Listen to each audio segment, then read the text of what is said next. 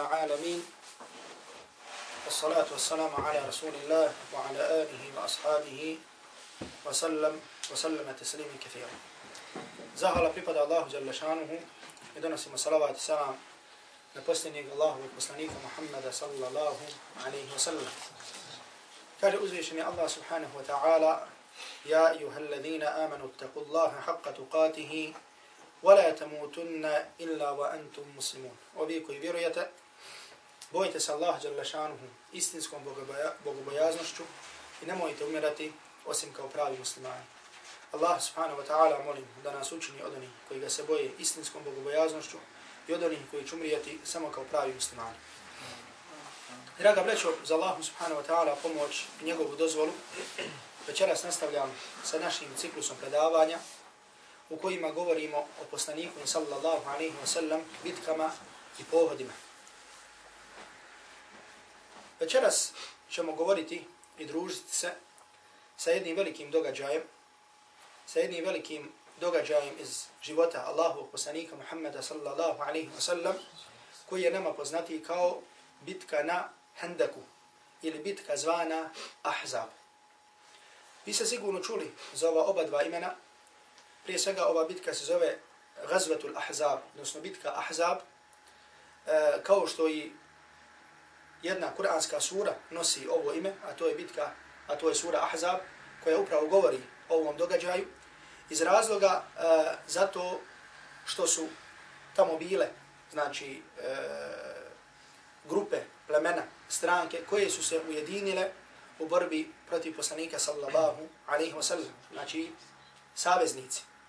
Drugi naziv za ovu bitku je Gazvatul Hendek, odnosno e, Hendek znači rov, znači rov. E, kod Arapa nije bio poznat ovaj način ratovanja. To jeste da jedna od strana iskopa veliki rov, nego je to bilo poznato kod Perzijanaca kao što, kao što, ćemo, kao što ćemo vidjeti. Međutim, u svakom slučaju, ono što je bitnije od ovoga jeste, draga braćo, da je ova, e, da je ova bitka, da je Allah subhanahu wa ta'ala u Kur'anu opisao kao jednim od najtežih trenutaka u životu Allahovog poslanika sallallahu alaihi wa sallam kao jedan od najtežih trenutaka Allahovog poslanika sallallahu alaihi wa sallam. I ne samo Allahovog poslanika sallallahu alaihi wa sallam, nego također i drugih vjernika. Pa Allah subhanahu wa ta'ala u suri Ahzab, koja nosi ime po ovom događaju, Allah subhanahu wa ta'ala kaže وَإِذْ زَاغَتِ الْأَبْصَارُ وَبَلَغَتِ الْقُلُوبُ الْحَنَاجَرُ I onog trenutka kada su pogledi skrenuli, kada su pogledi otišli, to jeste kolutali su se od straha. وَبَلَغَتِ الْقُلُوبُ الْحَنَاجَرِ. I duša je došla do grla. To jeste samo što nije samo što nije izašla. وَبَلَغَتِ الْقُلُوبُ الْحَنَاجَرَ وَتَظُنُّونَ al-hanajira wa billahi. I vi ste o Allahu svašta mislili. Vi ste o Allahu svašta mislili.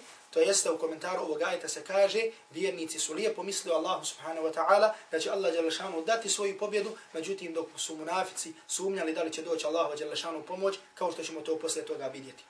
Pa kaže Allah subhanahu wa ta'ala hunalika betulije almu'minuna. Tada su u tom trenutku bili vjernici iskušani. Bili su na velikom iskušenju. Wa zulzilu zilzalan. I bili su potreseni velikim potresom. Ova izraz wa Allah Đelešanu na drugom mjestu u Kur'anu koristi uh, u, u smislu onog pravog potresa. Znači kada se zemlja zatresa. Međutim, ovdje se ne govori o takvom potresu, nego se govori o potresu duša, radi velikog straha. I zato pogledajte kako Besim Korkut, rahmetullahi alaih, kako prevodi ovaj ajet, i bili su iskušani kao nikada prije. Ili, u stvari, bili su iskušani da više nisu mogli da budu iskušani. Toliko je bilo iskušenje kada je došlo do ovog događaja kao što ćemo vidjeti. Ukoliko pogledamo u povode ovog događaja, ove bitke, vidjet ćemo da je vojna strategija Allahovog poslanika sallallahu alaihi wa sallam, draga braćo, ostavila veliki trag na arapskom polostru. Jer pogledajte, prije nekoliko godina to je bila jedna mala skupina. Mala skupina većinu mladića. Poslanik sallallahu alaihi wa sallam i nekoliko ashaba oko njega. Međutim, ta skupina ashaba Allahovog poslanika sallallahu alaihi wa sallam iz dana u dan se povećavala. Pa je prvo bilo 10, pa nekoliko desetina, pa stotinu, pa nekoliko stotina i tako dalje. Sve dok nisu došli do momenta da su porazili mušike Mekke, da su porazili Mekeli, koji su bili poznati ratnici, koji su imali poseban ponos i tako dalje. I znamo šta se je desilo kada je bila bitka na Bedru. Također kada je bila bitka na Uhudu vidjeli smo. Istina je da su muslimani na jedan način izgubili tu bitku, međutim na drugi način nisu. Zbog čega? Zato što su mušici tada također pobjegli. I čak muslimani su se vratili da se ponovo sretnu, da ponovo dođe do bitke među njima, međutim mušici su pobjegli. Zatim vidjeli smo koliki je to bio udar na ekonomske prilike u samoj Mekke. Znači muslimani su zadali veliki udarac kome? Veliki udarac mušicima, koji su bili osnova znači, arapskog poluostrava. Zatim, s druge strane, vidjeli smo također šta se je desilo sa židovskim plemenima, poznatim židovskim plemenima, koji su bili bogati, koji su također uživali veliki ugled na arapskom poluostravu, kao što bile pleme Benu Qainuka, gdje je poslanik sallallahu alaihi wa sallam protjerao, zatim pleme Benu Nadir i tako dalje. Također su doživjeli poniženje od strane Allahovog poslanika sallallahu alaihi wa sallam. I sve ove stvari su naveli ove grupacije, ove stranke, da se ujedine u ratu protiv Allahovog poslanika sallallahu alaihi wa sallam i protiv muslimana. Pa su tako neki uglednici iz plemena Benu Nadir, koje je poslanik sallallahu alaihi wa sallam nedavno bio protjerao, otišli su, otišli su mušricima, uglednim mekelijama. I rekli su im, hoćete li da budete s nama sve dok ne iskorijenimo Muhammeda sallallahu alaihi wa sallam. Hoćete li biti s nama sve dok ga ne iskorijeni. Odnosno, mi ćemo biti s vama, hatta nastasila Muhammadan wa man, wa man ma'am. Sve dok ga ne iskorijenimo. Znači, da mu ni jedan jedini trag ne ostane, hajde to zajedno da učinimo. Pa su onda, pogledajte, šta su mušici tada učinili. Pa su rekli židovima, pa su rekli židovima, koji su otišli s plemena Benu Nadir. Kaže, vi ste ljudi kojima je data knjiga. Međutim, mi, mušici iz Mekke, i muslimani, odnosno Muhammed sallallahu alaihi sallam, mi se razilazimo po pitanju vjere. Pa kaže, gdje vi kao ljudi kojima je data knjiga, gdje nam vi presudite i recite nam koja je bolja vjera. Da li je bolja vjera Muhammeda sallallahu alaihi wa sallam ili je bolja naša vjera. Pogledajte židova. Pogledajte što znači kako principi ponekad i vjerski principi padaju u vodu kada čovjek hoće samo neku dunjalučku korist. Normalno, židovi, njihova vjera se temelji na monoteizmu. Temelji se na tevhidu. I znali su da Muhammed sallallahu alaihi wa sallam poziva u tevhid. Dok su isto vrijeme mušici pozivali u šta? Pozivali da se obožavaju kipove koji su pravili od hurmi, da se obožavaju kamenja i tako dalje. I ti mušici im dolaze i pitaju koja je vjera bolja, naša ili Muhammedova? Pa žido im odgovaraju, vaša vjera je bolja. Vaša vjera, vi koji ste na širku, je bolja od vjere Muhammeda sallallahu alaihi wa sallam. I Allah subhanahu wa ta'ala je posle toga objavio ajete u suri Nisa, gdje kaže Alam tara ila alladhina utu nasiba min alkitabi yu'minuna bil jibti wat taguti wa yaquluna lil ladina kafaru haula'i ahda min alladhina amanu sabila.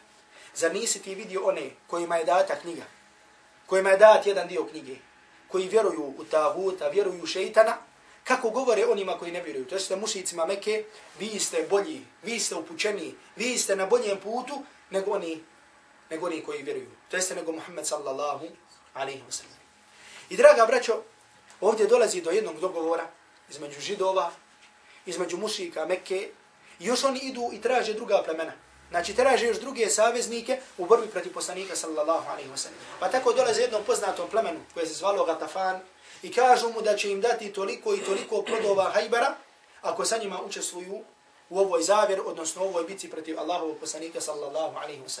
I sve se ta plemena udružuju jedno po jedno pleme sve dok njihov broj nije dosegao 10.000 ratnika koji su krenuli prema Medini, koji su krenuli prema gradu Allahu poslanika sallallahu alaihi wa sallam, da, kako oni kaže, da iskorijene Muhammeda sallallahu alaihi wa sallam i sve one koji su bili i sve one koji su sa Muhammedom sallallahu alaihi wa sallam.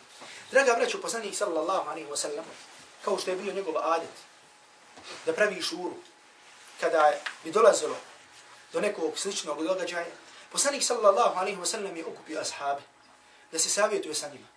I do poslanika sallallahu alaihi wa sallam je došao haber, došao je haber kakav, znači da su ovi saviznici uputili prema, da su uputili prema Medini. Pa je ovaj rekao ovo, ovaj rekao ovo, ovaj rekao ovo, sve dok nije došao red na ashabe koji se zvao Salman al-Farisi. Koji se zvao Salman al-Farisi koji je bio poreklom odakle iz Farisa, iz Perzije, znači iz današnjeg Irana. Pa rekao Allahom poslaniku sallallahu alaihi wa sallam, ja Rasul Allah, u Allahu poslanić, inna kunna bi ardi Faris, mi kada, ja kada sam bio u Perziji, mi kada bi ratovali u Perziji, idha husirna hadakna alejna. Mi kaže, kada bi nas neko opkolio, mi bi kaže, pripremili jedan veliki hendak, jedan veliki rov. I to bi bio između nas i neprijatelj. Pa je poslanik sallallahu alaihi wa sallam, pa mu se je svidlo ovo mišljenje, i ovo mišljenje zajedno sa drugim ashabima je prihvaćeno. I onda su muslimani, zajedno sa Allahom i poslanikom sallallahu alaihi wa sallam, krenuli da kopaju taj veliki hendek, da kopaju taj veliki rov. Treba breći, to nije bio mali rov, ko što znači nama poznato u ovom ratu kojeg smo mi proživjeli kad su bili rovovi. To je bio veliki rov koji je bio dug oko otprilike, kao što navode neki historičari, 5,5 km. On je znači bio dug 5,5 km. Njegova širina je bila oko 4,5 metra, a njegova dubina je bila preko 3 metra. Znači to je bio jedan veliki, veliki hendek. I poslanik sallallahu alaihi wa sallam je bio zadužio, kao što se prenosi, svako od deset muslimana da iskopaju otprilike oko 25 metara ovoga rova. Svako od deset muslimana da iskopaju oko 25 metara ovoga rova. I normalno krenuli su i to su učinili. Međutim, ono što nam je draga braćo, bitno, jedan moment koji ćemo primijetiti jeste teško stanje. Jedno veoma, veoma teško stanje u kojem su muslimani bili dok su ovo kopali. Pogledajte, e, prije svega imamo šta? Prije svega imamo da znaju da deset hiljada dobro naoružanih ratnika dolazi na Medinu. Dolazi na Medinu, grad Allahu poslanika sallallahu alaihi wa sallam, u kojem se nalaze žena, žena, e, žene, u kojem se nalaze djeca, u kojem se nalaze starci, u kojem se nalaze bolesti i tako dalje. Pored svega toga imaju zadaću da iskopaju ovaj veliki hendek. Znači to nije nešto bilo malo, znači iskopaš malo rova i to je to. Vidjeli smo koliki je. A pored svega, svega toga, draga braćo, tada je u Medini vladala velika glad. Tada je u Medini vladala velika glad. I tako kao što je zabilio imam Buhari u svom sahihu, od Jabira radijallahu ta'ala, o Jabira radijallahu ta'ala anhu, da kaže ovaj ashab koji učestvao u tom kopanju, kaže, وَلَبِثْنَا ثَلَاثَةَ أَيَّامٍ لَا نَذُوقُ شَيْئًا I kaže, znalo se desiti, znalo se desiti da budemo po tri dana, a da kaže, ništa ne okusimo od hrane. Po tri dana, draga braću, se znalo desiti da ništa od hrane ne bi okusili. Međutim, onda kada bi bilo, kada bi bilo nešto hrane, kakva je ta hrana bila? Zabilio imam Bukhari u svom sahihu od Enesa radijallahu ta'ala anhu, da se kaže, kaže, ja'ala al-muhađiruna wal-ansar yanquluna turab. Kaže, muhađiri i ansari su, kaže, nosili i kopali su, kaže, zemlju. I kaže, dok su to učinili, pogledajte što znači beriča džemata. To ćemo kasnije spomenuti. Iako je glad, iako je sve, oni dok su to radili, bili su radosni. I dok su to radili, ponavljali su stihove. Ono što se kaže, pjevušili su. I govorili su, nahnu allazina baja'u Muhammeda ala l'islami ma baqina abada. Mi smo, znači pogledaj kako se, da kažemo, hvalili.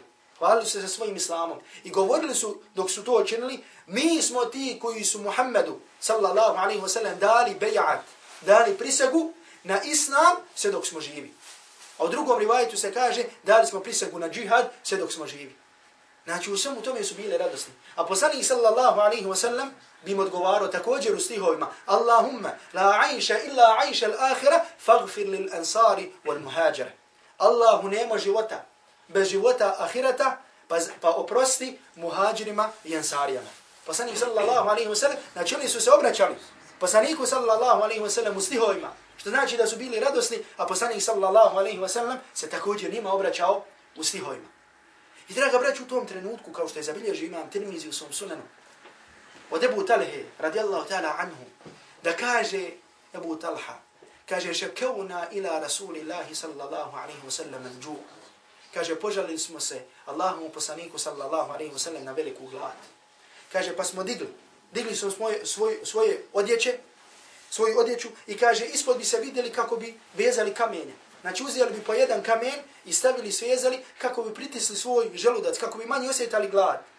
Pa smo, kaže, tako došli u tom stanju da se poželimo Allahom poslaniku sallallahu alaihi wa sallam za tu glad. Kaže, pa bi poslanik sallallahu alaihi wa sallam podigao, a tamo bi bila stavljena dva kamena. Znači poslanik sallallahu alaihi wa sallam, znači tako radi još veće gladi, poslanik sallallahu alaihi wa sallam stavio šta? Stavio bi dva kamena. Međutim, draga braćo, u toj teškoći, ali pazite, dobro zapamite ovaj moment, u teškoći u kojoj je srce vezano za Allaha subhanahu wa ta'ala i u teškoći u kojoj je srce vezano za hirat, Allah subhanahu wa ta'ala daje čuda. Allah subhanahu wa ta'ala daje čuda. Pa je tako Allah subhanahu wa ta'ala, draga braću, počastio ove ensari i ove muhađere sa počastima koje smo malo vidjeli u cijelokupnoj siri životu Allahu poslanika sallallahu alaihi wa sallam. Pa tako je zabilježi ima Buhari. Ponovo Džabira radijallahu ta'ala anhu kaže Džabir, poznati ashab Allahu poslanika sallallahu alaihi wa sallam. Znači sve to bilo ovih dana dok se kopao hendak. Kaže, vidio sam poslanika sallallahu alaihi wa sallam da je bio u velikoj tegobi. Da je bio u velikoj gladi. Kaže, pa sam tio nešto ono što ima malo hrane kući, da ga satim počestim. Pa sam otišao ženi. I rekao sam njoj, šta imaš? Pa mi je kaže, izvadila. Kaže, izvadila mi malo pšence i pokazala jedan od prilike sa pšence imala. Znači jedna određena mjera. Prilike kilo, dva, tri. Je imala pšence. I kaže, imali smo jednu dobru kozu. Imali smo jednu dobru kozu. I rekao sam, ovo ću zaklati da pojede Allahu poslanik sallallahu alaihi sallam. Ovo od prilike bilo sve hrane što mi je bilo ostalo od kuće. Pa sam rekao ženi da pozovem Allahu poslanika sallallahu alaihi sallam. Pa mi ona rekla, kao što je zabilježi imam Buhari, znači ovo bilježi imam Buhari, kaže, la tefdahni bi rasulillahi sallallahu alaihi wa sallam wa ma'ahu. Kaže, Džabir, hoćeš da me usamotiš pred Allahom i poslanikom sallallahu alaihi wa sallam i onaj koji sa njim i pred onima koji su sa njim, to jeste da ih pozoveš, a nemamo šta da napravimo. Znači imamo mjesa, imamo samo malo, znači nešto možemo od jesta da napravimo. Pa sam kaže, otišao. Pa kaže, fesarartuhu. Pa sam mu šapnuo. Allahu poslaniče sallallahu alaihi wa sallam, dođi kod mene i ti uzmi koga hoćeš, pa da jedete. Ali kaže, kaže Džabir radijallahu ta'ala anhu, fesarartuhu, pa sam mu. Zbog čega? Da ne čuju svi. Jer onda ako dođu svi, neće moći šta da jedu. Poslanik sallallahu alaihi wa sallam mi je rekao dobro. I kaže kad sam se okrenuo od Allahovog poslanika sallallahu alaihi wa sallam, fasah, pa je poslanik sallallahu alaihi wa sallam jako povikao, ja ahle al-khandab, pa je poslanik sallallahu alaihi wa sallam podigao svoj glas, povikao, o vi koji kopate hendak, kaže dođite na ručak kod džabira. O vi koji kopate hendak, si dođite na ručak kod džabira. Radijallahu ta'ala anhu. Ali mi je poslanik sallallahu alaihi wa sallam rekao, la tunzilunna ala burmetikum, ولا تخبزن حتى اجي ali nemojte poslanik sallallahu alejhi ve sellem im jednu stvar zabranio ali kaže nemojte da iznosite ništa niti da pravite hljeb sve dok ja ne dođem sve dok ja ne dođem pa kaže došao je poslanik sallallahu alejhi ve sellem i bio je prvi koji je počeo sa tom prvi koji je počeo sa tom sofrom pa su kaže dolazili pa su dolazili jeli jeli jeli Pa kaže Džabir radijallahu ta'ala anhu, bilo je elf, bilo je hiljadu. Bilo je hiljadu. Kaže, fa uksimu billah. Hadisu Buhari, pa kaže Džabir radijallahu ta'ala anhu, i kunem se, kunem se Allahom jalla šanuhu, kaže, jeli su i ostavili su i otišli su, a kaže, sofra je bila onaka kakva jest. Onaka kakva je bila i prvi put kada su došli. Ovo je muadžiza. Naravno, sallahu poslanika sallallahu alaihi wa sallam, kojim je dao Allah subhanahu wa ta'ala kao počast. Allah subhanahu wa ta'ala mu je dao kao počast. Međutim, draga braćo, te keramete, te muadžize, kada Allah subhanahu wa ta'ala daje poslanicima i kada Allah Đalašanu stvari daje to vjernicima, daje, draga braću, kada su srca vezana za Allah subhanahu wa ta'ala, daje u teškim trenucima. I zato pogledajte ovdje, došli su i jeli su, i jeli su, i jeli su, međutim Allah subhanahu wa ta'ala je dao beričet. I dao je da se hrana povećava, da se hrana povećava. Ovo je nešto u što vjeruje samo muminsko srce. Danas mnogi ljudi pa čak i oni koji sebe i oni koji su muslimani, znači ima i muslimana, i čak možda neki koji sebe nazivaju ulemom, kada im spomeneš ovu stvar, kaže, to razum ne može da, znači, to razum ne prihvata. Jer ima danas oni koji negiraju sve nadnaravnosti, sve muadžize Allahovog poslanika sallallahu alaihi wasallam osim jedne, osim Kur'ana. Kažu, Kur'an je jedina nadnaravnost poslanika sallallahu alaihi wasallam. A sve druge stvari, kao što je ovo, kao što drugo, kaže, to su ili su daif hadis, ili su lažni hadis, tako da. Pa makar bilo Buhari ili muslim. Pa makar bili u Buhari ili u muslimu. Ali tako novotari, kada krenu jednim pravcem, pogledaj do čega je dovodi taj njihov pravac. Draga braćo, cijelo to vrijeme Allahu poslanik sallallahu alaihi wa sallam je, je zajedno sa drugim ashabima kopao hendak. I ne samo da je kopao hendak, nego kada bi došli do stijene, kada bi došli do pećine, koji oni nisu mogli da razbiju, zovnuli bi Allahu poslanika sallallahu alaihi wa sallam. Zovnuli bi Allahu poslanika sallallahu alaihi ve sallam. Pa je tako zabilježi imam Ahmed. Pogledajte samo kako je Allah Đelešanu dao počastima, počasti vjernicima u tom trenutku. Pa je zabilježi imam Ahmed u svom musnadu od Bara radijallahu ta'ala anhu, kaže, došli smo do jedne stijene koje nismo mogli da razbijemo. Pa smo zovnuli poslanika sallallahu alaihi ve sallam. Kaže, pa je poslanik sallallahu alaihi ve sallam uzeo, udario i slomio jednu trećinu te stijene. I rekao Allahu akbar. Rekao je Allahu akbar. Rekao je Allahu akbar. Allah je najveći. Znači udario i rekao Allahu akbar. U'atitu mafatiha ša'am. Allahu akbar. Dati su mi ključevi šama. Dati su mi ključevi šama. I kaže, tako mi Allah, djela šanu, ja odavde mogu da vidim šam. To jeste područje Sirije, današnje Sirije. Šta znači dati su mi ključevi šama? To jeste Allah, djela šanu, mi je dao. Dao mi je da vidim da će muslimani osvojiti šam. Dao mi je da vidim da će muslimani osvojiti šam. Pa je ponovo udario. I drugu trećinu stijene slomio i rekao Allahu ekbar. U'atitu mafatiha Faris. Allahu ekbar, data mi je Perzija. Allahu ekbar, data mi je Perzija. Kaže, s ovoga mjesta mogu da vidim, to od u Perziji. Pa je treći put udario. Pa ponovo rekao, Allahu ekbar, u'atitu mafatiha al-Jemen. Kaže, Allahu ekber. dati su mi ključevi Jemena. Wa inni la ubsiru abwab Sana'a min makani. I kaže, tako mi Allah, ja vidim vrata Sana'a. Sana'a je glavni grad Jemena vidim vrata sane, sane kaže, iz ovog svog mjesta. Znači Allah subhanahu wa ta'ala mu je dao tada, jer poslanik sallallahu, od naravno se od muadžiza poslanika sallallahu alaihi wa sallam, jeste da je obavještavao nekim stvarima koje će se desiti u budućnosti. Ali samo ono što bi mu Allah subhanahu wa ta'ala dao, samo ono što bi ga Allah subhanahu wa ta'ala obavijestio. I u tom teškom trenutku, pogledajte, Allah mu je dao znanje da će ova tri mjesta da će muslimani osvojiti. Međutim, u kakvom trenutku? U trenutku kada su bili opkonjeni. U trenutku kada deset hiljada saveznika dolazi da istrijebi, da iskorijeni Muhammeda sallallahu alaihi wa sallam, muslimane koji su bili sa njim. I zato neki munafici, kao što ćemo vidjeti kasnije, I draga braćo to opkoljenje Medine, ti saveznici koji su došli na Medinu, ta bitka je trajala koliko? Trajala je mjesec dana. Mjesec dana su ovi bili s jedne strane Hendeka, a ovi s druge strane Hendeka. I bili su još veće iskušenja. Iskušenja su se iz dana u dan povećavali. I munafici su govorili šta? Munafici su govorili šta? Kaže, pogledaj, kaže, juče nam je obećavao nekakve dvore, nekakve kule, u nekakvoj Sana'a, u nekakvoj Perzi, a kaže, sad jedan od nas nije siguran dode u Čenifu. A sad jedan od nas nije siguran dode u Čenifu i da obavi nuždu. Međutim, to nam juče obećavao. Kako su se ismijavali? Odnosno, bili su slabog imana, nisu vjerovali. Za razliku za razliku od mu'mina, kao što ćemo to tako vidjeti. I draga braćo, tako je, znači u tim teškim trenucima, Allah subhanahu wa ta'ala je počastio vjernike sa ovim stvarima. I ne samo to, draga braćo, nego i u tom trenutku je poslanik sallallahu alaihi wa sallam obavijosti još o nekim stvarima. Pa je tako zabilježi ima muslim u svom sahihu od Ebu Sa'id al-Hudrija, radijallahu ta'ala anhu. Da je poslanik sallallahu alaihi wa sallam prolazio pored Ammara, pored Ammara ibn Jasira, i govorio mu, ja Ammar, a da, a, ovako znači, milovo ga je po glavi, ja Ammar, taktuluk je fi'atun bagije. U Ammar ubićete nepravedna skupina. Ubićete nepravedna skupina.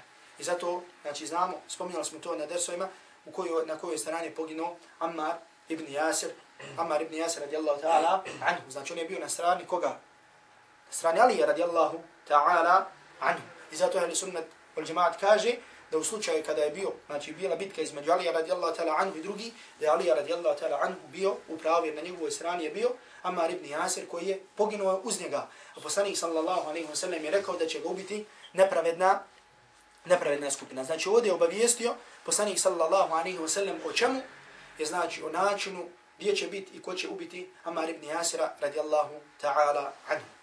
Draga braćo, u tom trenutku, koliki je bio broj muslimana. Tada je bilo u Medini 3000 muslimana. 3000 muslimana. 3000 muslimana koji su bili spremni da se brane protiv ovih 10.000. Protiv ovih 10.000. I tada su ti muslimani, znači ti muđahili iz muhađe, između muhađira i ansarija, izašli su malo van grada Medine i napravili su jedan logor. A u Medini su ostavili žene i djecu i starije i nemoćne i ostavili su neke ashabe koji su čuvali, znači koji su bili odgovorni za, za prethodno pomenuti. A Abdullah ibn Ummi Mektuma je postavio kao glavnog. Jer poslanik sallallahu alaihi wa sallam uvijek kada bi kreću u, neki, u neku bitku ili neki pohod i ostavio nekoga ko bi bio glavni, ko bi bio umjesto njega u Medini. U njegovom sallallahu alaihi wa sallam gradu. U ovom slučaju, koji u mnogim drugim slučajima, ostavio je ibn Umi Mektuma. Međutim, draga braćo, ova iskušenja koja su bila, koja smo spomenuli, nisu završila tu Kao što smo rekli, to ukoljenje, njihov dolazak saveznika, s druge strane Hendeka, je trajio mjesec dana. I to je ti teški mjesec dana za koje Allah subhanahu wa ta'ala kaže وَبَلَغَتِ الْقُلُوبُ الْحَنَاجِرِ I وَبَلَغَتِ الْقُلُوبُ الْحَنَاجِرِ duša je došla do grkljana. Znači hoće da izađe, međutim ne može da izađe od silne muke. Unalike tuli jel mu'minun. I tamo su vjernici bili iskušani. Vozulzilu zilzane šedida. I bili su strašno potreseni. I zato, draga braćo, e, također od stvari koji pučuje na težinu ovog događaja, vidimo istoga što je u tom teškom trenutku poslanik sallallahu alaihi wa sallam zaboravio da obavi kindiju namaz. Poslanik sallallahu alaihi wa sallam zaboravio da obavi kindiju namaz. Kao što je zabilježi ima Bukhari u svom sahihu od Alija radijallahu ta'ala anhu da je poslanik sallallahu alaihi wa sallam rekao mele Allahu kulubahum wa bujutahum nara šegaluna an salati l-usta hatta gabati šems. Kaže Allah ispunio njihove kuće. Znači poslanik sallallahu alejhi ve sellem putio dovu proti njih, proklo ih. Allah ispunio njihove kuće, njihove kaborove vatrom šegaluna, zauzeli su nas. To jeste nismo bili u stanju da obavimo i sve dok nije zašlo, sve dok nije zašlo sunce sve dok nije zašlo sunce. U nekim drugim hadisima koje zabilježi imam Nesai u svom sunanu, od Abdullah ibn Mesuda i drugi, se kaže da poslanik sallallahu alaihi wa sallam nije obavio podne namaz. Pa se u nekim predajama kaže da, da je poslanik, sallallahu, da poslanik sallallahu alaihi wa nije bio u stanju da, obavi, da nije obavio četiri, vak, četiri vakat namaza. Pa imam nevi i drugi prave, da kažemo, spoj između ovih predaja, pa kažu da se nekoliko puta to desilo u ovim danima da nekoliko puta se desilo da je poslanik sallallahu alejhi ve sellem zaboravio ili da nije bio u stanju da obavi namaz. Jer tada još nije bio propisan namaz, namaz ili qital, namaz u ratu. Jer imamo način kako se klanja namaz kada je rat. Međutim, radi žestine. I vidimo, draga braću, u drugim bitkama, u drugim pohodima, se nije nikada desilo da je poslanik sallallahu alaihi ve sellem izostavio da namaz nije klanjao u njegovom vremenu. Međutim, radi težine I radi da kažemo sve tog musibeta i belaja koji se desio, poslanik sallallahu alaihi wa sallam je zaboravio da obavi namaz. I ne samo to, nego također kao što je zabilio imam Bezzar, imam At-Tabarani u svom mu'ađamu, od Ebu Hurire radijallahu ta'ala anhu, da je poslanik sallallahu alaihi wa sallam, draga vreću, pomislio tada da napravi sporazum sa saveznicima. Pomislio je tada da napravi jedan vid sporazuma. I da im kaže da će im dati toliko i toliko plodova Medine, ukoliko ostave, ukoliko se to i to pleme vrati. Pa makar bilo jedno pleme. Znači da, da se olakša. Da se olakša pritisak na Medinu. Pa tada ashabi, Allahu poslanika sallallahu alaihi wa sallam, kada su čuli za ovo, došli su Allahom poslaniku sallallahu alaihi wa sallam i obratili se. Nisu bili zadovoljni sa ovim što su čuli. Nisu. Znači da damo svom neprijatelju, da im damo jedan dio svog imetka, da se ne borimo na Allahu subhanahu wa ta'ala putu, to nisu mogli da primati. Međutim, opet su došli. Došli su sudi, došli su sudi Allahom poslaniku sallallahu alaihi wa sallam i pogledajte kako je edeb, kako vjernik traži propis, kako traži, kakav je stav islama po pitanju tog i tog. Pa su došli Allahom poslaniku sallallahu alaihi wa sallam i rekli mu, ja Resul Allah, u Allahu poslaniće.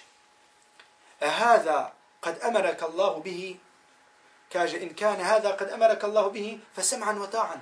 Kaže, ako ti je ovo naredio Allah subhanahu wa ta'ala, ako je ovo objav od Allaha jalla šanu, da napravimo sporazu sa njima, fa sam'an wa ta'an. Pa čujemo, onda kažemo čujemo i pokoravamo se. Ako je ovo naredba od Allaha subhanahu wa ta'ala, onda sam'an wa ta'a. Onda čujemo i pokoravamo se. Mu in kane šeji tasna'uhu lana, fala hajata lana fihi. Ali ako je to nešto što ti hoćeš da učiniš radi nas, pa mi onda nemamo potrebe za ti. Pogledajte, draga braću, ti u tom teškom trenutku kažu, ako to da učiniš radi nas, pa nema potrebe. Allahu poslanič. I pogledaj sa čim to opravdavaju. Pa kažu, لَقَدْ كُنَّا نَحْنُ وَهَاُلَاءِ فِي الْجَاهِلِيَّةِ وَعِبَادَةِ الْأَوْثَانِ Jer kaže, mi smo Allahu poslanič. Znači mi, Medinelije, mi Ansarije, smo, kaže, bili i ovi u džahilijetu. I obožavali smo kipove. Pa kaže, فَكَانُوا لَا يَتْمَعُونَ أَنْ يَأْكُلُوا مِنْهَا ثَمَرَ إِلَّا قِرًا أَوْ بَيَعَ Pa kaže, nisu nikada bili u stanju, niti su pomislili da jedu jedan jedini plod iz Medine. Osim ili da ga kupe ili da ga pozajme. Znači ili da kupe ili da pozajme. Samo su tako mogli prije da jedu. Znači nisu prije smjeli doći kada smo mi bili na širku, kao, što, kao i oni, i nisu smjeli da dođu da nam kažu dajte nam to i to. Pa kažu, pa kaže pa zar sada? E a'azzan Allahu bil islam. Pa zar onda, kada nas je Allah Đelešanu počestio, akremena bil islam, pa onda kada nas je Allah Đelešanu počestio sa islamom, وهدانا له يبوتي ناس إسلام وعزنا به يا الله جل شانه ناس uzdigao sa islamom zar onda da im dajemo naš metak zar onda da im dajemo Allahu poslanice sallallahu alejhi ve sellem naš metak pa da poslanik sallallahu alejhi ve sellem rekao kaže to sam htio samo da učinim radi vas jer sam vidio da su vas svi Arapi napali iz iste strijele. Znači, svi su se okomili, znači, kao jedna strijela, sva arapska plemena su se uputili prema vama. Međutim, pogledajte, draga braću, pogledajte njihovog oslonca na Allah subhanahu wa ta'ala. Nisu htjeli da prihvate nikako primjeri. I e, draga braćo, ta bitka, ta akcija nije trajala dan, dva, tri, nego je trajao mjesec dana. Pogledajte kakva je bila glad kada su počeli da kopaju hendek. E zamislite kakva je onda glad bila nakon 15 dana. Ako nisu imali odakle da uvezu hranu. Kakva je tek onda glad bila nakon 20 dana, nakon 25 dana, nakon jednog mjeseca. Međutim, nisu pomislili da prihvate nikav sporazum sa onima koji su mušici. Da im damo svoj metak sada, kada nas je Allah subhanahu wa ta'ala počastio svojim poslanikom sallallahu alaihi wa sallam, to nikako ne može da bude. Draga braćo, i tako je opsada Medine potrajala. Međutim, mušici su vidjeli da ne mogu ništa da učine. Bio se, desilo se jedan put da je jedan poznati, da je jedan poznati ratnik koji se zvao Amr ibn Abdu Wud, da je uspio da pređe preko Hendeka. On je bio poznati ratnik i prija, prija Islama. I uspio je zajedno sa nekoliko svojih konjenika da pređe Hendek. Na jednom mjestu gdje je Hendek bio uzak. Da pređe taj rov. I kada je došao tamo, imao je mubarez, odnosno dvoboj, sa Alijom radijallahu ta'ala anhu, gdje ga Alija radijallahu ta'ala anhu ubio. Međutim, posle toga niko od njih nije uspio da pređe, da pređe Hendek. Međutim, onda mušnici, kada su vidjeli da ništa ne mogu da učine sa Medinom, da ne mogu da uđe, onda su prišli jednom drugom planu. A to je pokušali su iznutra da naprave belaj. Pa su došli plemenu Benu Kurejza. Plemen Benu Kurejza je šta? Koje? Znači jedino pleme, jedino židovsko pleme koje je bilo ostalo, koje je bilo ostalo u Medini. I kad tada je došao Hojej ibn Ahtab en-Nadri, također židov, došao je kao ibn Esad al-Qurazi. Došao mu je i počeo je da ga ubjeđiva, a vidjet ćemo u sljedećem našem predavanju, dolazi pretjerivanje plemena Benu Kureyza. Jer oni su prekršili ugovor sa Allahom i poslanikom sallallahu alaihi wa sallam. Vidjet ćemo kako. Pa je zabilježio ibn Ishaq da je došao Kab ibn Asadu, al-Quradhiju i da je zatražio od njega, ne samo da je zatražio, nego ovaj čim mu i kada mu je pokucao na vrata, I kada je ovaj vidio ko je, rekao je vrace, ti si, kaže, meš um. Kaže, ti si nesretan čovjek. Ti samo belaj donosiš. Pa kaže, pusti da se obrati. I ovaj počeo da mu se obraća, da mu se obraća. Pa mu kaže, ovaj, znači, vođa plemena, poglavica plemena Benu Kureyda, ovaj židov, i mi je rekao, ja sam Muhammedom, imam ugovor. I ne želim da prekinem taj ugovor, jer kaže, tako mi Allaha, nisam od njih vidio illa wafa'en wa sidqa. Jer kaže, ja sam kod njih vidio, samo kaže, povjerenje i vidio sam istinitost. Ništa drugo nisam vidio. Međutim, on je počeo da ga ubjeđiva, da ga ubjeđiva, ubjeđiva, ubjeđiva, sve dok nisu šta? Sve dok nisu prekršili pregovor.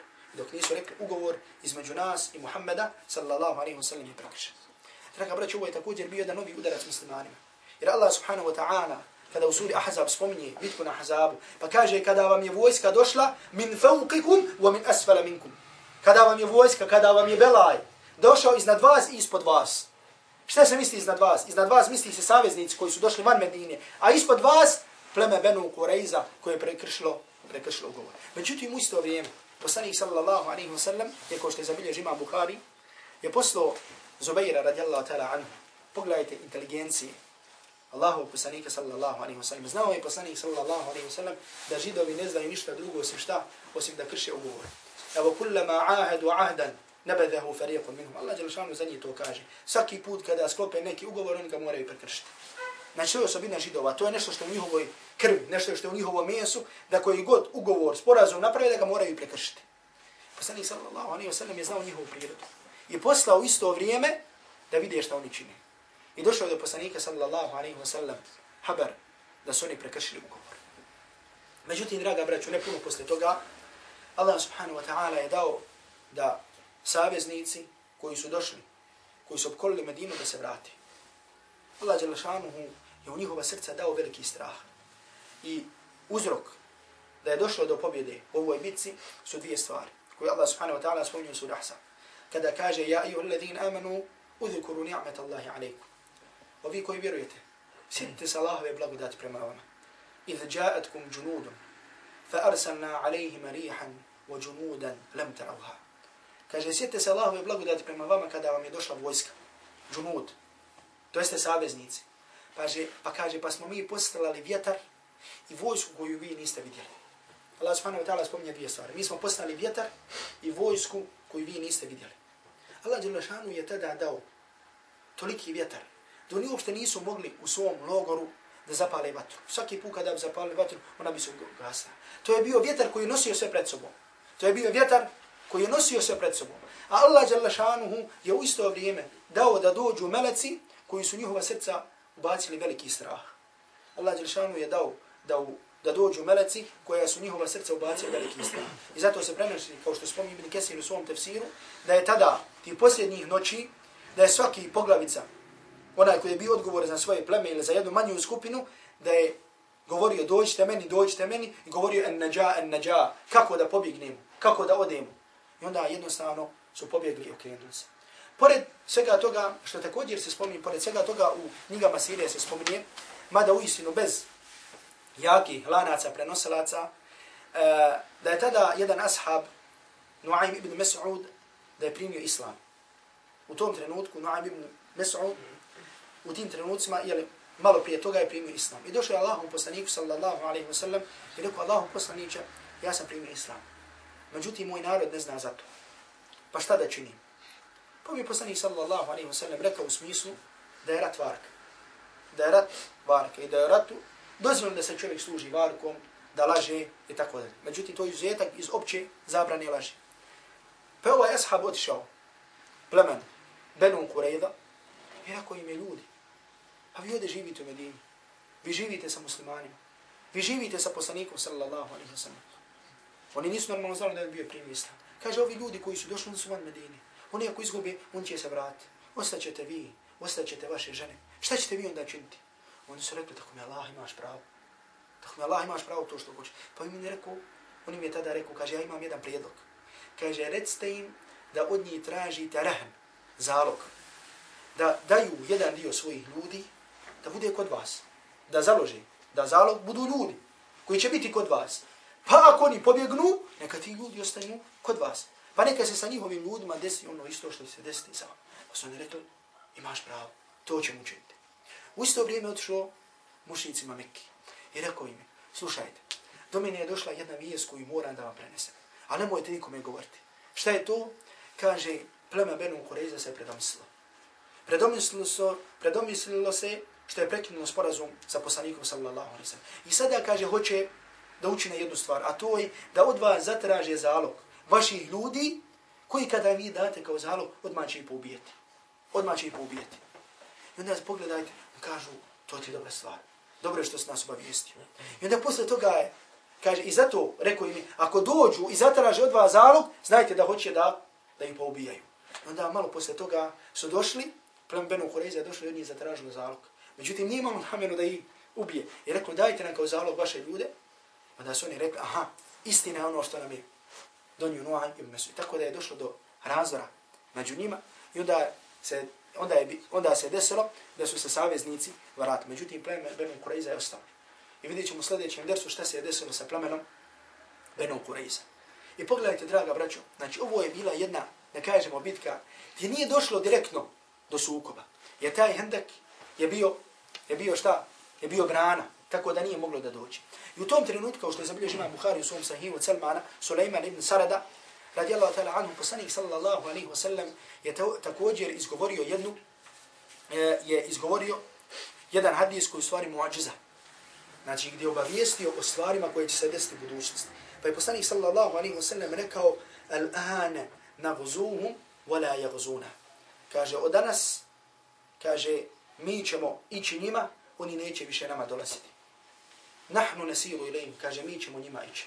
I zato posle toga, posle bitke na Ahzabu, se nijednom nije desilo da su Mekelije došle da napadne muslim, da napadnu muslimane. Nego odmah posle toga, znači ima nekoliko događaja pa dolazi do osvojenja Mekke. I nijedan put se nije desilo da su došli mušici da su napali Medinu. Ko što je rekao poslanik sallallahu alaihi sallam, wal ane nagzuhum wala yagzuna. Od sad mi idemo njima, od sad mi njih napadamo, a oni nas neće napadati. Draga braću, kao što smo vidjeli, bitka na Ahzabu, jedan sigurno značajan događaj. Znači, značajan događaj u smislu da nam ostavlja dosta odgojnih dersova, dosta odgojnih pouka i poruka koje trebamo, e, o kojima trebamo da razmislimo. Prije svega ovdje vidimo, na kraju ćemo spomenuti nekoliko njih kako bi se koristili još više od ovoga što smo spomenuli. Prije svega, draga braćo, vidimo ovdje prirodu židova i koliko je njihovo ulaganje i metka kako bi odraćali od Allaha subhanahu wa ta'ala vjeru. Koliko je njihovo koliko je njihovo ulaganje metka kako bi odrećali od Allaha subhanahu wa ta'ala. Vidimo kako su došli mušicima, tražili, hajte s nama. Pa su došli na me premenu, pa, pa im rekli da ćemo toliko i toliko plodova, plodova pola, uh, ovliko, onoliko, hajde samo da se borite. Sve kako bi odračalo od Allahovog subhanahu wa ta'ala puta. I to je istinu. Pogledajte danas koliko nevijenici uopšte troše i metka kako bi odračali od Allahove subhanahu wa ta'ala vjera. Zato mi muslimani treba da isto ga izvučemo jednu drugu pouku. A to je da znamo šta znači šta znači kada se daje imetak na Allahom subhanahu wa ta'ala putu. Šta znači, draga braću, imetak na Allahom subhanahu wa ta'ala putu? Može li čovjek da ima da pokrene bilo kakvu aktivnost davetsku, da kaže, može neke osnovne, međutim neku veliku stvar bez imetka, ne može. I zato pogledajte, poslanik sallallahu alaihi wa sallam kaže, džahidul mušrikin, borite se protiv mušrika. Poslanik sallallahu alejhi ve sellem kaže, "Jahidul mušrikin, borite se protiv mušrika, bi alsinatikum, sa svojim jezicima, wa bi aydikum, i sa svojim rukama, wa bi amwalikum, i sa svojim imecima. Znači pogledajte kako poslanik sallallahu alejhi ve sellem borbu imetkom, borbu sa imetkom protiv nevjerstva, protiv kufra, stavlja na istu deređu kao i borbu sa perom, sa jezikom, sa rukom. Znači sve je to borba protiv, protiv kufra, protiv navijerstva. Zato pogledajte ajete i hadise u kojima se govori o udjeljivanju sadake, o davanju sadake, o davanju na Allahu subhanahu wa ta'ala putu. Allah Đelšanu nam kaže koliko ajeta u suri Bekare. Znači u smislu ako podaš jednu marku, na sudnjem danu ćeš naći 700 maraka. Znači isto kao baciš jedno, jedno zrno, od toga izađe 700, 700 plodova od jednog zrna. Tako isto primjer sadake.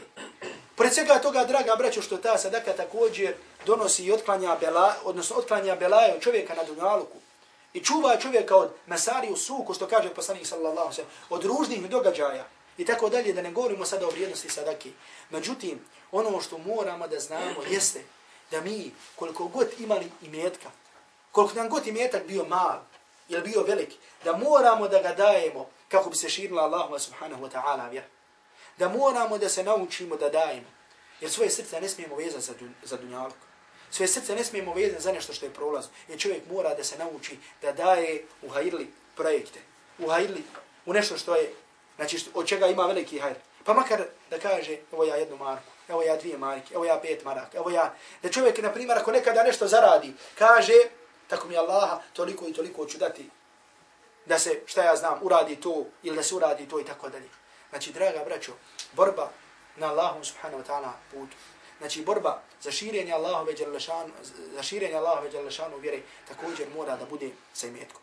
Druga stvar, draga braćo, što vidimo iz ovog događaja jeste jedna stvar o kojoj smo govorili dosta puta i ponavljali. Međutim, ovdje možemo da je vidimo. A to je beričet džemata. To smo spomenuli večeras. Pogledajte šta znači zajedništvo. Šta znači džemat. Šta znači, pogledajte ashabe Allahovog poslanika sallallahu alaihi wa sallam. Pogledajte i u kakvom su teškom stanju bili. Međutim, šta su govorili? Poslanik sallallahu alaihi wa sallam, to nismo spomenuli, u onim trenucima kada je bilo onoliko teško, kada je bilo toliko, kada smo došli sa haberom, sa vijesti, da je Benu Kureyza, da je prekinula ugovor, poslanik sallallahu alaihi wa sallam je rekao, ebšir, radujte se. Poslanik sallallahu alaihi wa sallam je rekao, ebšir, radujte se. Učinili to? Poslanik alaihi wa sallam kaže, ebšir, radujte se. Jer fa inna ma'al usri yusra, inna ma'al usri yusra. Jer zaista sa mukom dolazi olakšanje. Posle muke dolazi olakšanje. Sr srce koje vjeruje u Allaha subhanahu wa ta'ala, ono zna da će doći Allahu dželle šanu pomoć. Može kasniti malo, međutim Allahu dželle šanu pomoć dolazi. I zato Allah subhanahu wa ta'ala u suri Ahzab, šta kaže? وَلَمَّا رَأَ الْمُؤْمِنُونَ الْأَحْزَابِ قالوا هذا ما وعدنا الله ورسوله وصدق الله ورسوله وما زادهم إلا إيمانا وتسليما Kaže, kada su vjernici vidjeli saveznike, kada su vidjeli tu vojsku od deset hiljada, šta su rekli? Hada ma va'adan Allahu wa Rasul. Ovo je ono što nam je obećao, ko? Allah i njegov poslanik. Wa sadaqa Allahu wa Rasul. Istinu je rekao Allah i njegov poslanik. Wa ma zadahum illa imanu wa taslima. A to im kaže, nije povećalo osim njihovu iman i njihovu predanost. Allah je lešanu i njegov poslanik, ali i salatu wasalam, su nas obavijestili o čemu? Su nas obavijestili o iskušenjima, draga braćo. I ta iskušenja su došli. To je obećanje da Allah subhanahu wa ta'ala. Istinu je rekao Allah subhanahu wa ta'ala. Da Allah Đelešanu će nas pomoći. Međutim, dok u isto vrijeme munafici, šta su govorili? Idi yakulu munafiquna, walladhina fi qulubihim maradun. I kada su rekli munafici, i oni u čijima je srcima je šta? Bolest. Rekli su šta? Da ono što im je obećao Allah subhanahu wa ta'ala i njegov poslanik, illa gurura, da je to samo prevara. Stakfirullah ila alim. Znači, rekli su, nije to obećanje, nego je to gurur. To je prevara. Prevarili su nas Allah i njegov poslanik. Sallallahu alaihi wa sallam. I onda su u tom trenutku, draga, draga braću, dolazi su sa opravdanjima, sa smiješnim opravdanjima. Kada im se govorilo, izađite, izađite iz Medine, jer su on, tamo su ostale žena i djeca. Izađite, dođite tamo, gdje, gdje se čeka neprijatelj. Oni su govorili, وَيَسْتَأْذِنُ فَرِيقُ مِنْهُمُ النَّبِيَ يَقُولُونَ إِنَّ بُيُوتَنَا عَوْرَةُ وَمَا هِيَ بِعَوْرَةُ Oni su govorili poslaniku alejhi salatu vesselam, kaže naše kuće su gole. Kuće su nam avret. Znači avret znači nešto što je gole. Znači kuće su nam gole u smislu, znači gole nema ko da ih čuva. Znači može neko da dođe da pokrade. Može neko da dođe da pokrade. Pogledajte u tom trenutku, oni misle šta? Da može da dođe lopo i da im pokrade metak. Kaže Allah subhanahu wa ta'ala, وَمَا هِيَ بِعَوْرَ Njihove kuće nisu gole. Ne boje se oni. Ne boje se oni lopova. I yuriduna illa firara. Nego oni hoće samo da pobjegnu yuriduna illa firara, oni hoće samo da pobjegnu. Pa da Allah subhanahu wa ta'ala nekoliko ajeta posle toga im odgovara, reci, ne može vam koristiti, kul le jenfa'akum ul firar, reci, vaše bježanje vam ne može koristiti, ništa. Ako Allah hoće da vam dođe smrt, da Allah Đelešan donese korist, da vam donese štetu, kaže, vaš firar, ništa ne može da vam koristi. Draga braću, zato srce vjernika, srce mu'mina, nikada ne sumnja. Allahu subhanahu wa ta'ala pomoć je nešto što će doći. Treća stvar koju ovdje vidimo. Jeste jak tevakul, jak oslonac kod ensarija, kada je u pitanju tevakul na Allah subhanahu wa ta'ala. Znači također povezano s ovom, ovom prethodnom stvari. Pogledajte kako su dolazili. Allahom poslaniku alaihi salatu wasalam, rekla Allahom poslaniku. Zar da im damo svoje metke? Sada kada nas Allah Đelešanu počestio sa islamom, da im damo jedan dio svog imetaka, ne. Mi se nam Allah subhanahu wa ta'ala. I onaj ko se oslani na Allah subhanahu wa ta'ala, Allah Đelešanu šanu će mu biti zadovoljan. Allah Đelešanu šanu će mu biti dovoljan. Allah subhanahu wa ta'ala će mu biti dovoljan. I zato, draga breću, nije ovo samo slučaj kada je upitan džihad, kada je upitan u svakom slučaju. Čovjek treba prije svega da misli na Allah subhanahu wa ta'ala. Oslana se na Allah subhanahu wa ta'ala. I zato, kada imam Šafija došao u Egipat, kada imam Šafija, znamo, prešao iz Bagdada, došao u Egipat. I kada je došao u Egipat, kao neko ko je nov, Tamo je bio jedan veliki alim, kadija, šejh, koji je bio blizak sultanu, bio blizak vladaru. Rekao mu, ukoliko hoćeš da imaš mjesto, da imaš počast ovdje, onda moraš da imaš dvije stvari. Moraš da imaš kod sebe toliko imetka, znači toliko ranije, da ti je dovoljno za čitavu godinu. Da ti je dovoljno za čitavu godinu. Kutu sana. I druga stvar kaže, mora da budeš blizak kod vladara. Mora da budeš blizak kod sultana. Pa onda imam šafir govorio, kaže onaj koji hoće da bude ugleda, da bude nešto, kaže treba da se osnovi na Allah subhanahu wa ta'ala. Treba da bude bogobojasan. Kaže mi smo znali biti u gazi, kaže nismo znali, znači nismo imali dovoljno hrane za jednu noć, ali kamo ne za jednu godinu. Pa mi kaže koga takva ne podigne i ne da mu ponos, kaže nikoga ne može podignuti i dati mu ponos. Znači to je ono, kada dođeš negdje pa ti neko kaže sin, ako hoćeš da budeš, imaš dobru budućnost, da imaš dobar ovaj napredak, onda mora da imaš to, to, to. Dobro, čovjek nike stvari dunjalka može, mora uzeti obzir. Međutim, ono što je pravi uzoročnik jeste oslanjanje na Allah subhanahu wa ta'ala. Draga breći, tako razmišlja srce jednog vjernika. I zato pogledajte. Ali ponovo kažem, kada se vratite kuće, razmislite ovi sljedeći dan, razmislite o ovom pohodu. Pogledajte malo, pročitajte u sili Allahov poslanika, alaihi salatu wasalam, uh, bitka na Hendeku. Pročitajte tefsir sure Ahzab. Pogledajte kako Allah subhanahu wa ta'ala opisiva te trenutke. I molim Allah subhanahu wa ta'ala da nas smili, da nas okoristi od onoga što smo spomenuli.